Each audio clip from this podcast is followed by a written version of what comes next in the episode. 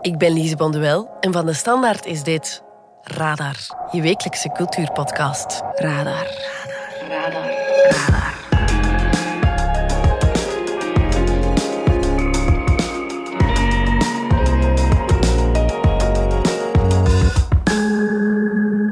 Jong zijn en de struggles daarvan werden nog nooit zo goed in beeld gebracht als in het eerste seizoen van de serie Euphoria. Velen zijn het daar unaniem over eens. I'm envious of your generation, you know. You guys don't care as much about the rules. Ik kerfde als tiener nog lyrics van Nirvana in mijn schoolbanken en schreef met Tipex Life Sucks op mijn mappen. Deze serie toont hoe Gen Z zich door het leven sleept. Rauw en geflipt en met het geloof dat de wereld om zeep is. Yeah, well, the world's coming to an end and I haven't even graduated high school yet. En nu is het tweede seizoen uit. Halen de makers hun zelf vrij hoog gelegde lat. Mediaredactrice Valerie Droeven vertelt het je zo meteen. En dan iemand die even min gelooft in een opgewekte wereld. En dat is misschien nog een understatement. De meest controversiële Franse schrijver Michel Houellebecq heeft een nieuw boek uit. Anéantir of Vernietigen. Elke publicatie van hem is een ware gebeurtenis en nu is dat niet anders. Hij staat bekend voor zijn controversiële opinies en als een ambigu figuur. Onze recensent Marijke Arijs interviewde hem al meerdere keren in zijn carrière en kon zijn rockster-allures van dichtbij meemaken. Straks vertelt ze je wat ze vindt van zijn nieuwste boek en hoe we die man en zijn boeken nu eigenlijk moeten lezen. Welkom bij Radar. Radar. Radar. Radar.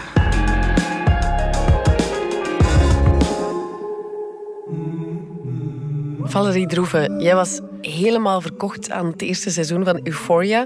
Er was geen superlatief te min om de serie te bejubelen. Voor mensen die het eerste seizoen gemist hebben, waarover gaat het? In 2019, toen het eerste seizoen eh, gepubliceerd werd door HBO, werd het in de markt gezet als de eerste Generation Z-reeks van HBO. Eigenlijk is het een remake van een, eh, een, een gelijknamige Israëlische reeks. Maar uh, de man die het, hier, of die het in Amerika opgepikt heeft, is Sam Levinson. Ja. Hij heeft de reeks geschreven, geregisseerd. Hij is echt de man achter deze reeks. personally writing about my own experiences and my, my battles with addiction as a teenager becomes therapeutic in a way. Om het verhaal te kunnen vertellen, putte hij uit zijn eigen drugsverslaving. hè. Dus hij is op zijn zestiende was hij zwaar verslaafd aan drugs. En hij dacht dat hem daar aan dood zou gaan. En dus vanuit die houding ehm, schrijft hij deze reeks. hè. Het hoofdpersonage Rue is ook verslaafd aan drugs, net als hij. You think because I went to rehab I stayed clean? I mean, ain't that the point? Yeah, well, the world's coming to an end and I haven't even graduated high school yet. Het is denk ik wat autobiografisch The geworden. show can't be written by anyone else because it's so personal. I have this idea that basically all the characters are just like different facets of your personality. Eh, Wat ook opmerkelijk was aan de reeks is het hoofdpersonage, Rue, die gespeeld werd, of wordt nog altijd door Zendaya. I understand Rue, and for some reason, and I can't really describe it, but she doesn't feel like a huge departure from who I am. Ondertussen toch wel een icoon. Ja, ze speelt ook mee in Dune en in eh, Spider-Man. Spider-Man, ja. En ze is een stijlicoon. Eh, ja, het is echt een soort van nieuwe stem van haar generatie Ja. geworden. Hè. Toen ze in 2019 eh, als hoofdpersonage in deze reeks zat, had ze al een verleden achter de rug bij Disney. Hè. Ze was een Disney-sterretje. Hey, what's up? It's Zendaya here and you are watching Disney Channel. Ze zat toen ook al in de eerste film van Spider-Man. Ja. Looking good. Net dat jaar speelt ze ook de hoofdrol in deze reeks, wat toch als actrice een heel grote uitdaging was om te doen. Hè. Jij hebt eh, Zendaya ook gesproken, hè? Ja, inderdaad. Door corona kunnen journalisten af en toe eh, digitale interviews doen. Hè. Dus ik heb haar living, of haar woonkamer gezien. all those kind of preconceived notions about what I was supposed to do just kind of went out the window because I was really just focused on the story that he was telling and how honest it was. Het was een interview samen met tien andere journalisten, dus ik heb amper één vraag kunnen stellen. Our next question was with Valerie Drovin from Belgium. En ehm, het was samen met eh, Dominic Fike Oh, I love Belgium. en Hunter Schafer, Okay. de, de twee andere hoofdpersonages van het tweede seizoen. Ja. Hunter Schafer, haar tegenspeelster, een transvrouw, die eigenlijk voordien heel weinig gedaan had op televisie, vooral een model was. Belichaamd eh, ook een transmeisje in de reeks. Het mooie is dat dat helemaal niet expliciet gemaakt wordt, daar hou ik van. En centraal in de reeks staat eh, hun ja, vriendschap, liefdesaffaire. uh, waar rond er van alles gebeurt. Just the best thing that's happened to me in a really long time, and I, I just, I, I just don't want anything bad to happen. So just please don't be mad at me, okay, Joe? Just don't be. I'm sorry. I get it. I love you. I really do. I love you too. I hate everyone else in the world but you. Ja, en waarom was jij zo omvergeblazen door dat eerste seizoen? Wat maakt dat zo goed? Ik denk dat de reeks op dat moment in 2019 voor mij zo het, dat post-apocalyptische ongemak van een tienerbrein op dat moment perfect vatten. De, de, dat is een generatie die op dat moment op straat kwam om te protesteren tegen het klimaat. Het gevoel dat de wereld om zeep is, dat beheerst zo'n puberplein waarin alles zwart of wit is. Dat dit een generatiereeks is. En over welke generatie het gaat, dat wordt meteen duidelijk in de eerste scène van de eerste aflevering van het eerste seizoen. I just showed up one day without a map or a compass or to be honest, anyone capable of giving one iota of good fucking advice. And I know it all may seem sad, but guess what? I didn't build this system. Nor did I fuck it up. En dat gevoel van opgroeien in een wereld waar dat je eigenlijk alleen maar kunt dansen op de afgrond, dat werd op een mega boeiende manier voor mij in beeld gebracht. Ook op een donkere manier, hè? Heel donker, ja. Ja, de reeks was vanaf de eerste aflevering heel controversieel. Hè? Ehm, de Hollywood Reporter telde maar liefst 30 penissen in één aflevering. Some people say that eyes are the windows to the soul. I disagree. I think it's your dick and how you fucking photograph it. Het, is een zeer, inderdaad een zeer expliciete reeks. Hè. De HBO schuwt de graphic nudity in geen enkele reeks. Denk maar aan Game of Thrones. Maar het is inderdaad wel zo, zeker voor hij uitgezonden werd, hadden de adverteerders al zwaar geprotesteerd tegen die reeks. Want uh, ja, zij vonden het te veel te harde seks voor een te jong publiek. Uh, dus ja, daar ging een doelpubliek. Daar ging een doelpubliek. Ja, daar werden wel vragen bij gesteld. Of die reeks wel eh, bij jonge mensen goed zou vallen.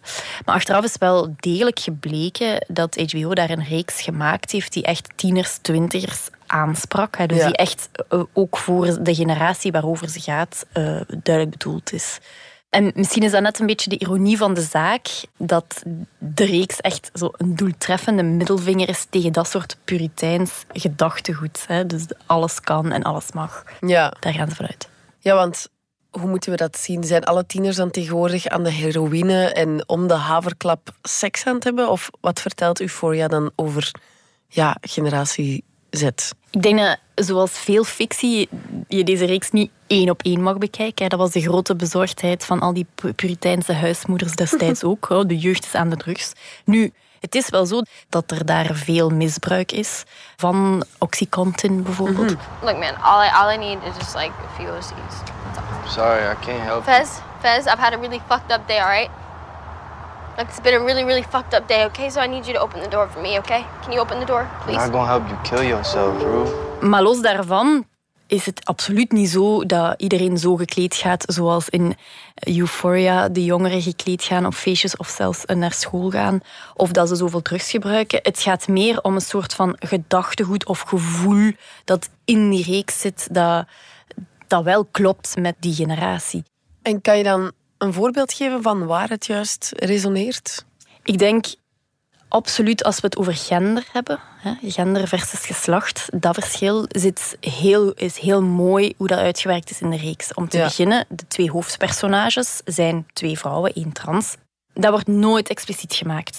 Het feit dat ze of lesbisch zijn, daar wordt niet over gepraat. Dus er worden gewoon twee mensen verliefd op elkaar. Ja, het is gewoon. Het is gewoon zo. En dat zit ook heel erg in die tweede reeks. Um, in het tweede seizoen komt er een personage bij dat Elliot heet. Ja. Gespeeld door Dominic Fike. Ja, eigenlijk een muzikant bekend van dit hitje.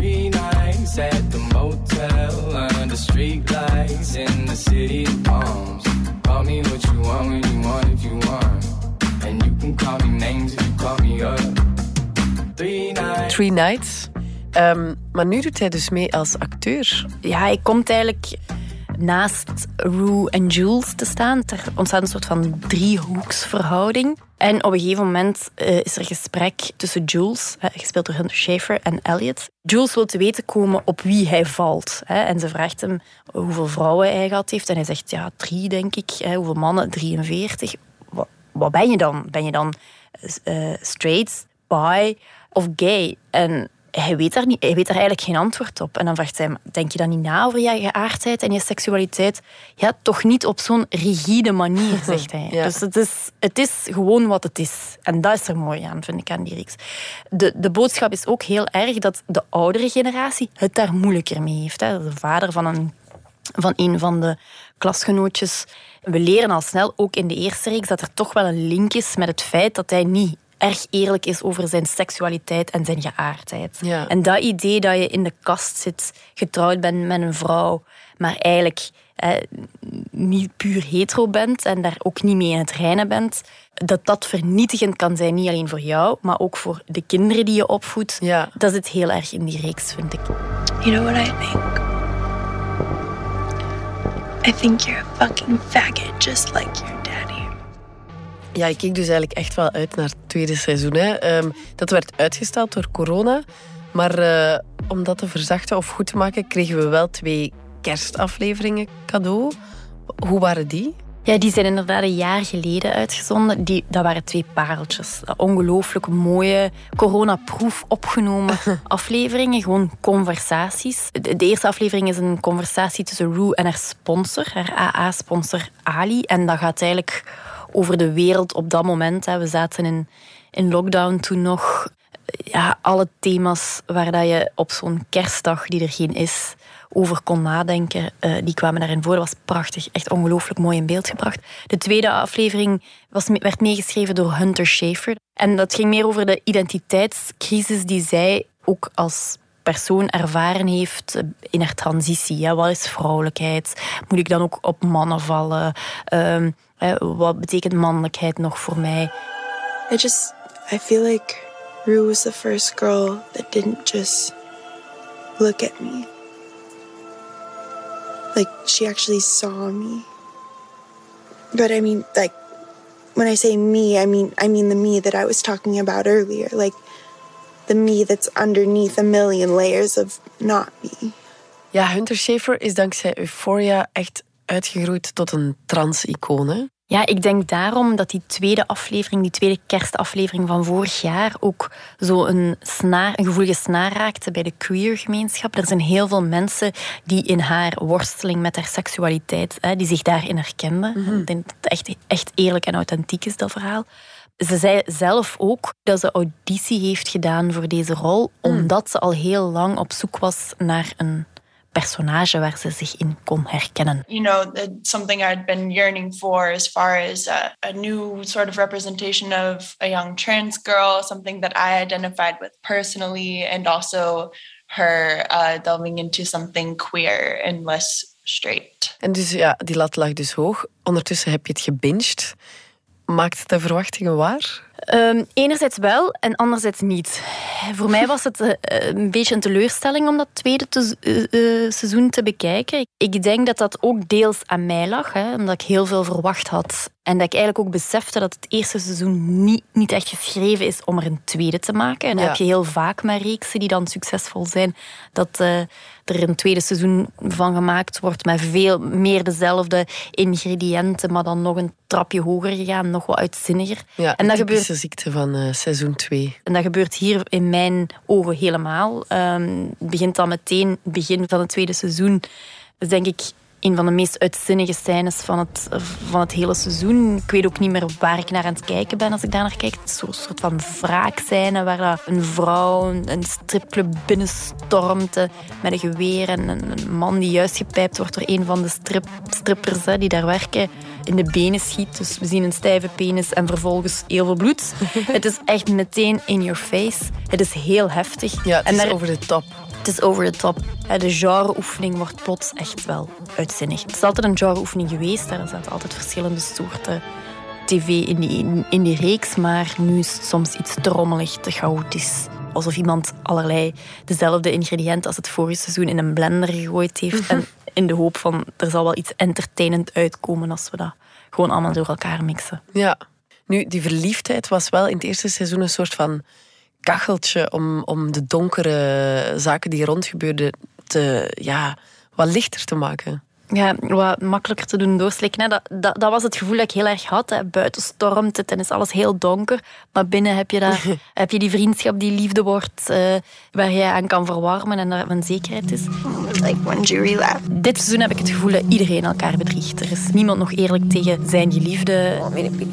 En ik denk dat het ook met mij te maken heeft en het punt waarop wij ons hier op dit moment begeven, in het midden van de winter, uh, met de boodschap Ja. van er komen twee verschrikkelijk moeilijke maanden met heel veel besmettingen aan. Het is niet het moment. Nee, het is niet het moment om dat kacheltje te laten uitdoven. Ja. Hè, waar, waar, we ons zo graag aan wouden We verwarmen. hebben nood aan lichtpuntjes. Voilà. Het is misschien een heel donkere reeks en je bent er misschien iets minder enthousiast over dan, eh, dan je gedacht had. Maar zou je de reeks aanraden? Ik zou hem zeker aanraden. eh, zeker het eerste seizoen en de twee tussenafleveringen. En voor degenen die daar verlekkerd op waren, zou ik zeggen, kijk toch ook maar eens naar dat tweede seizoen. Het is toch nog altijd redelijk fascinerend. Oké, het tweede seizoen van Euphoria is te zien op streams. Valerie Droeven, dankjewel. Graag gedaan. Radar.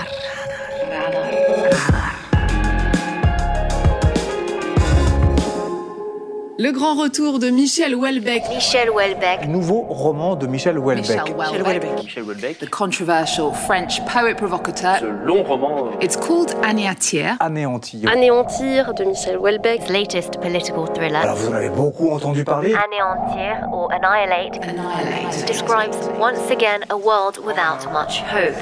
Een van de meest vertaalde en meest gelezen Franse auteurs, Michel Houellebecq, heeft een nieuw boek uit. Anéantir of vertaald Vernietigen. Een lijvig boek van 736 pagina's. Nu, elke roman van zijn hand is een ware gebeurtenis en deze keer was het niet anders. Marijke Arijs, recensent bij onze krant. Ja, we hadden het net met Valerie over de donkere wereld in Euphoria, maar de wereld die Michel Houellebecq schetst, is er even min één om vrolijk van te worden, hè? Ja, dat mag je wel zeggen. Het is eh, een en al kommer en kwel en eh, somberheid. Het is kort samengevat. De mensheid is slecht. Het leven is lijden. En de wereld, vooral de westerse beschaving, gaat zijn ondergang tegemoet. Ja. Daar is hij echt rotsvast van overtuigd. Dus wat hij eigenlijk doet, is, is een en al zwartgalligheid spuien. Dat is al vanaf zijn, eh, zijn eerste boeken. En om Houellebecq te lezen, met vrucht te lezen zou ik zeggen, moet je eigenlijk weten wat daarachter zit. Want iedereen denkt dat het allemaal begonnen is met zijn internationale doorbraak. Namelijk eh, Les particules élémentaires, vertaald als de elementaire deeltjes. Wat een enorm schandaal heeft gegeven, omdat hij daar onder meer akelige dingen zei over vrouwen, feministen, homo's, groene jongens. En omdat hij reclame maakte voor eugenetica en kloning en dat soort dingen. Ja. Maar mensen weten niet wat daaraan vooraf ging. Het is namelijk zo dat hij, voor hij begon te schrijven, eerst zijn programma op papier heeft gezet. Er zijn niet zoveel schrijvers die het op die manier doen. Dus als je dat weet, dan ga je al op een heel andere manier naar al die provocaties en eh, controversiële uitspraken in zijn roman en in zijn interviews kijken. Ja. Maar voor wie dat wil lezen, Restez vivant, eh, vertaald, dacht ik, als leven, lijden en schrijven. Daar staat in hoe hij het wil aanpakken. Wek afkeer op, dan zit je goed Ja. schreef hij daarin. Of eh, elke maatschappij heeft haar zwakke punten, haar wonden. Druk daarop goed hard. En dat doet hij ook eigenlijk in dit, in zijn nieuwe boek, hè? Ja, dat doet hij ook in dit boek, hoewel dat wel een beetje milder is, maar dat zal ik straks even uitleggen. dus eigenlijk gaat het ook weer over ziekte, vergankelijkheid en dood. Maar het begint heel anders. Het begint een beetje als een politieke thriller. Om te beginnen zijn we ineens in 2026. Dat is aan de vooravond van de volgende Franse presidentsverkiezingen. Dus hij slaat meteen een eh, stembusgang over. Wat jammer is voor de mensen die graag wilden weten wat hij van Eric Zemmour en zo vond. Maar die maakt blijkbaar geen kans. Want je kunt duidelijk opmaken uit het boek dat de tweede ambtstermijn van Macron gegarandeerd is. Ja. Ook ja. al wordt die man niet met name genoemd, je weet aan de context Het is Macron. dat hij het is, inderdaad. Nu, het rare met dat boek is, het begint als een politieke thriller. Er worden aanslagen gepleegd internationaal. De Franse geheime dienst krijgt er maar geen hoogte van wie daarachter zou kunnen zitten, omdat er helemaal geen lijn in zit. Dus eerst wordt een Chinees containerschip getorpedeerd. Je zou zeggen, dat is een aanval op de wereldhandel. Dat moet antiliberaal, anticapitalistisch zijn. De tweede aanslag is op een Deense spermabank. Aha, denk je dan? Dat zijn christelijke fundamentalisten of zoiets. En de derde aanslag is op een boot met 500 migranten in de Middellandse Zee. Dat wijst dan weer naar extreem rechts. Ja. Er is dan ook een onthoofdingsvideo en er zijn ook cyberaanvallen. Die onthoofdingsvideo, dat is de Franse minister van Economie die onder de guillotine belandt. En ook dat wordt niet opgehelderd. Maar je denkt, hoe dan ook, dit is een politieke thriller. En het Ja. rare is dat na een paar honderd bladzijden verandert dat hele boek plots in een familieroman. Ja. Zijn er ook lichtpuntjes aanwezig in de roman? Ja, dus wanneer het boek verschuift naar een eh, familieroman, dan ga je, gaan we ook van Parijs naar de Beaujolais-streek. Dat is interessant, want dat is de stad naar het platteland. Het hoofdpersonage is Paul Raison. Raison, is een man van de reden. De reden, ja. Die eh, de rechterhand is van Bruno Juge, de minister van Economie. Die eh, in dat videootje is verschenen en waarin je als twee druppels water Bruno Le Maire herkent. De huidige minister van Economie. Dat is een persoonlijke vriend van Welbeck, een goede vriend. En dat merk je in het boek, want die wordt met alle superlatieven overladen. Dus eh, het is een beetje gênant soms. Wanneer dat boek verschuift al naar het platteland, dat is op het moment dat de vader van Paul Raison, van het personage, een herseninfarct krijgt. De hele familie snelt toe naar de Beaujolais om ja, aan dat ziekbed te staan. En dan krijg je al die familierelaties die worden uitgespit, die slechte huwelijken, want goede huwelijken zijn er haast nooit bij Welbeck. Dus er heeft een, een zeer katholieke zus die het heel goed gaat. Een broer die een beetje een slappeling is en die geterroriseerd wordt door zijn kring van een vrouw. Een niets ontziende opportunistische Parijse journaliste. Dat is normaal, want eh, journalisten doen het nooit goed bij Welbeck. Maar Paul Raison, zijn huwelijk, is ook vreselijk slecht. Hij heeft al tien jaar geen seks meer gehad, want een goed huwelijk is synoniem met, met seks voor Welbeck. Hij gunt die mensen dan toch nog een gelukkige periode voordat alles echt helemaal naar de verdommenis gaat. En dat is vrij nieuw. Hij zoekt ook met zijn raison, zijn reden, hoewel hij agnostist is, tegenover al die ziekte en dood, begint hij dan toch eh, behoefte te hebben aan iets na, ja, iets hierna. Ja. En dan kijkt hij zo eens bij dat katholicisme van zijn zus. Maar ja, dat zegt hem toch niet zoveel. Hoewel hij af en toe een kaarsje gaat branden in een kerk, dat wel. En zijn vrouw is Wicca, dus die woont sabbat bij en zo. Hmm. Ja, en die mensen geloven in reïncarnatie. En dat is nu iets waar Welbeck altijd wel voor te vinden geweest is. Want hij was vroeger ook een voorstander, of hij had veel belangstelling voor eh, boeddhisme in der tijd. Ah, ja. Heel zijn werk is eigenlijk, als je goed kijkt, een vorm van eh, zoeken naar zingeving in een goddeloze wereld, zal ik maar zeggen. Terwijl Ja. hij er toch niet echt in gelooft voor zijn personages. Ja. Maar het, het sprankje hoop zit hem dus in dat huwelijk dat toch weer van de grond komt, zodat die man toch een, een paar gelukkige momenten kan beleven. Ja. En blijft het dan ook eh, positief? Of? Ja, nee, dat is. Welbeck zijn ding niet om het positief te houden. Dat kan hij niet, dat wil hij ook niet. Hij wil echt aantonen dat alles naar de verdommenis gaat. Ja. Maar hij doet dat dus wel op zijn onnavolgbare manier. Hè. Het Ja. is niet dat hij daar zit te mekkeren en te emmeren en dat je denkt, wat kan iemand toch zeuren? Hij doet het op zijn onvolprezen, ironische manier. Ja. Want Welbeck is een heel ambigu figuur. Hè? Je hebt hem al een paar keer geïnterviewd. Wat voor iemand is hij? Eh, Ik denk dat niemand daar echt een pijl op kan trekken. En als verschijning alleen al, hij is zo een bizarre verschijning met zijn verwaaide uiterlijk en zijn ongekamde haar en zijn veel te grote parka. Niet dat dat ertoe doet, maar hij cultiveert dat imago ook wel een beetje. Zoals ik al zei, hij doet altijd van die ongelukkige, controversiële uitspraken. Hij heeft zelfs voor zijn eh, anti-islam-uitspraak een proces aan zijn broek gehad. Dat was eh, naar aanleiding van de publicatie van Platform, vertaald als Platform in het Nederlands. Dat boek ging over sekstoerisme in Thailand. Ja. En aan het eind van dat boek wordt een islamitische terreuraanslag gepleegd. In dat boek komen redelijk onvriendelijke dingen voor. Maar ja, dat personage, eerst wordt zijn vader vermoord door een moslimterrorist in Parijs. En daarna eh, zijn gloednieuwe vriendin. Dat meisje dat komt dan om bij de aanslag. Dus het is logisch dat hij, laten we zeggen, de islam geen goed hart toedraagt en dat hij daar lelijke dingen over zegt. Dat zijn personages. Je mag een auteur niet veroordelen op grond van wat zijn personages zeggen. Die vallen nu eenmaal niet samen. Ja. Het vervelende was dat hij daarna zich laten interviewen heeft in Le Figaro en Ja. in Lier, tijdschrift Lier. Daar heeft hij, is hij wel te ver gegaan. En daar heeft hij onder meer gezegd, naast andere dingen, dat hij alle monotheïstische godsdiensten achterlijk vond. Maar de islam was wel de achterlijkste van allemaal. En aan Le Figaro had hij verklaard dat de islam een heel agressieve en onverdraagzame godsdienst was. Dus je kunt daarvan vinden wat je wil, maar de moslims vonden dat Ja, niet zo prettig. wel, Die hebben nee. een klacht ingediend en daar is hij dan voor het gerecht gesleept. Ja.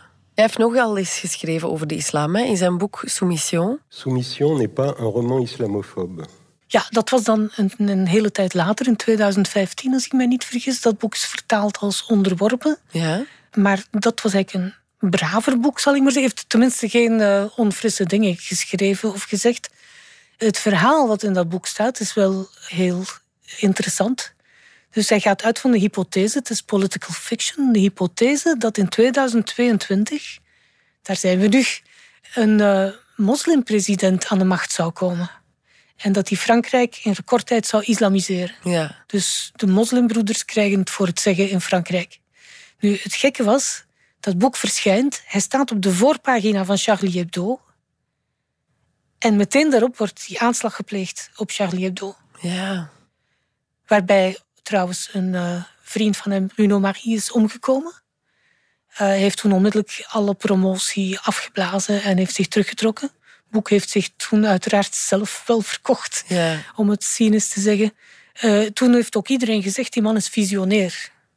Maar ja, visionair of alarmistisch, ik bedoel, het blijven romans. Hè. Ik vind ook dat je dat niet moet overdrijven. Ja, ja, ja. Ja, het is eh, niet te vatten eigenlijk. Zijn opvattingen ook, zei hij mij in interviews, de mensen kunnen mij niet in een hokje stoppen. En dat ergert hen omdat ze zo graag etiketten plakken. Ja. Maar hij zegt, kijk, het is waar, er zit eigenlijk geen lijn in volgens hem wel. Hij is heel erg tegen feministen, tegen de milieubeweging, tegen euthanasie, tegen abortus, noem maar op. Dat zijn rechtse standpunten. Anderzijds is hij ook heel erg tegen het liberalisme, tegen het kapitalisme. Je zou zeggen, dat is dan weer een links standpunt. Ja. Dus er is geen pijl op te trekken. Ja. Wat voor indruk wekt hij als je hem, toen je hem interviewde? Ja, het is een bizar figuur. Hè. Het is eh, elke keer een, een belevenis en een avontuur, moet ik zeggen.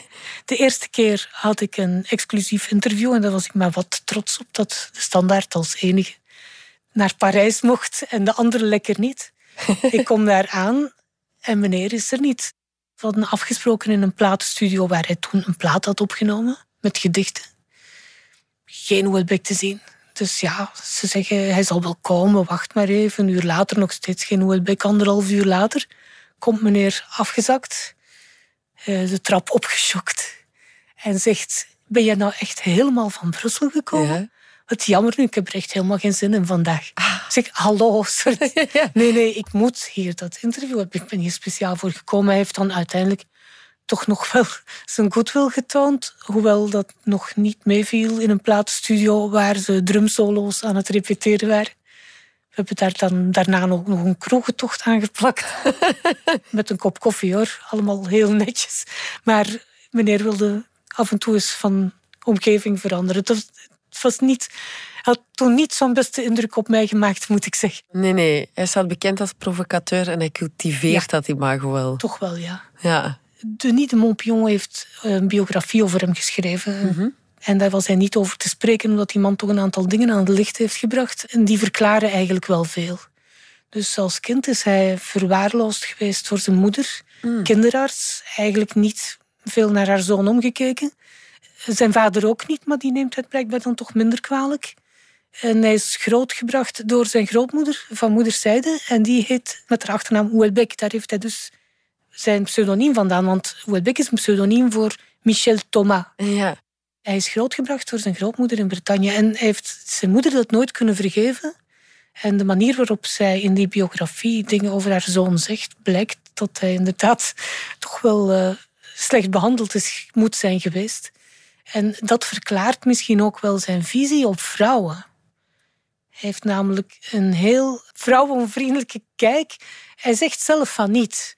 Want hij zegt, ik schrijf toch heel positieve dingen over vrouwen. Maar Ja. hij schrijft van die typisch positieve dingen die macho's ook zouden schrijven, als je begrijpt wat ik bedoel. Het was een goede vrouw, het was heel zorgzaam. Vrouwen zijn dapperder dan mannen, ze zijn sterker. Ze zijn... Dat is eigenlijk een verdoken vorm van eh, misogynie. Als je mij vraagt. Dus vrouwen zijn alleen interessant in functie van mannen. Ja. Als ze aardig zijn, zorgzaam zijn, als ze goed zijn in bed, want dat is ook heel belangrijk. Maar niet als personage op zichzelf. Maar daar moet ik ook weer bij zeggen. eh, In zijn vorige boeken was dat veel erger. In dit boek komen veel meer vrouwelijke personages voor. Ah ja. En ze worden eigenlijk ook eerlijk gezegd positiever neergezet. Op dat ene kring na, die journalisten. Ja. Maar dat is normaal omdat hij geen journalisten kan uitstaan. Hij zelf en zijn boeken zijn heel controversieel, maar iedereen is er natuurlijk wel over eens dat het een man is die een goed boek kan neerpennen. Ehm, het zijn meestal page-turners met een heldere insteek, strakke scripts. Is dat nu ook het geval? Eh, nee, dat is deze keer niet zo. Van dat strakke script, dat durf ik ook wel even te betwijfelen. Hij heeft mij in een interview gezegd, hij vertrekt zonder vast plan. Dus hij begint ergens en hij ziet waar hij uitkomt. Ja. Hij zegt, ik laat mij door mijn personages op sleeptouw nemen. In dit geval is dat een beetje, naar mijn gevoel, uit de hand gelopen. Waarom? Bijvoorbeeld gaat hij hypotheses lanceren over wie die aanslagen gepleegd zou kunnen hebben, gezien het type aanslag. En dan begint hij aan uitweidingen over deep ecology bijvoorbeeld, ecofascisme, over eh anarcho-primitivisme, over satanisme zelfs. En daar gaat hij heel lang over door. Dat is allemaal Ja. heel leerzaam en heel leuk. Maar soms denk je nu, ga nu toch door, want ik Ja. wil nu ook wel weten hoe het verhaal verder loopt. Ja. Maar het vervelende is dat het een beetje, dat kan ik gerust zeggen, met een sisser afloopt. Daar gaan twee verhaallijnen, die, lopen, die gaan gewoon moorddood. Je komt niet te weten wie de nieuwe president van Frankrijk wordt. Je komt ook niet te weten wie die aanslagen gepleegd heeft. Maar ja, er zijn mensen die Houellebecq ongetwijfeld alleen maar lezen voor zijn sterke uitspraken en zijn eh, controversiële opinies. Ja. En ook voor die sociologische analyses waar hij Ja. voor berucht is. Hij gooit er ook altijd net op tijd een ironisch hoogstandje in. Ja. Dus je blijft geboeid. Dus dat is het probleem niet. Maar ik vind een boek van 736 bladzijden, dan verwacht je toch wel één antwoord of twee antwoorden op vragen die helemaal in het begin zijn gesteld. Ja, als je zelf achter het plot wil komen. Annie Antier ligt sinds 7 januari in je boekwinkel. Het is te zeggen voor iedereen die het boek in het Frans wil lezen. Op de Nederlandse vertaling is nog wachten tot... Eh, eind december. Marijke Arijs, dankjewel. Heel graag gedaan.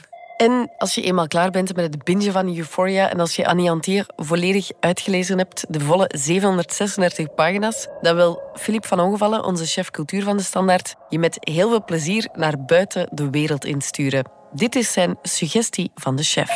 De suggestie van de chef.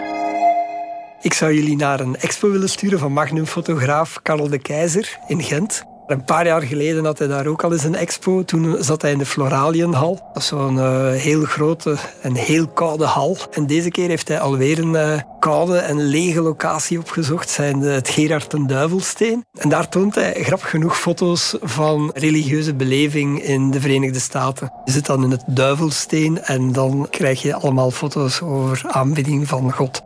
30 jaar geleden was hij naar Amerika gevlogen met zijn vrouw en een zoontje had zich ter plekke een camper gekocht. En dan is hij het land doorgetrokken en de foto's die hij daarvan maakte zijn echt klassiekers in de, in de fotografie. Goud Ink heet die reeks, Goud Ink 1. Die reeks heeft hij beneden gehangen, in de gewelven. En die zijn zeer grijs en dat past perfect bij de zwart-wit fotografie. Hij heeft daar triptieken ook van gemaakt, wat ook weer past bij de ruimte en bij het onderwerp. Het is echt een heel fijne scenografie. Ik heb ook heel lang naar die foto's zitten kijken, want als je ze zo meters groot ziet, maakt het echt veel indruk. Er is ook bijvoorbeeld een foto van de Ku Klux en dan zit je echt te kijken in hun ogen en vraag je je af, kijk ik nu in de ogen van het kwaad? Het intrigeert echt als, als je ze ziet. Dan de tweede reeks heeft hij twee jaar geleden gemaakt, in twee keer. En de tweede keer had hij de malchance, was ergens eind februari vertrokken. En toen brak in maart toch wel de corona-epidemie uit en zat hij vast. Hij trok van Airbnb naar Airbnb. Kon alleen nog op zondag foto's gaan maken. Ik weet nog dat hij toen, we hadden hem toen gebeld voor een interview in deze krant en dat hij vertelde dat hij uit een spannende onderbroek een eh, mondmasker had gemaakt en dat dat perfect werkte.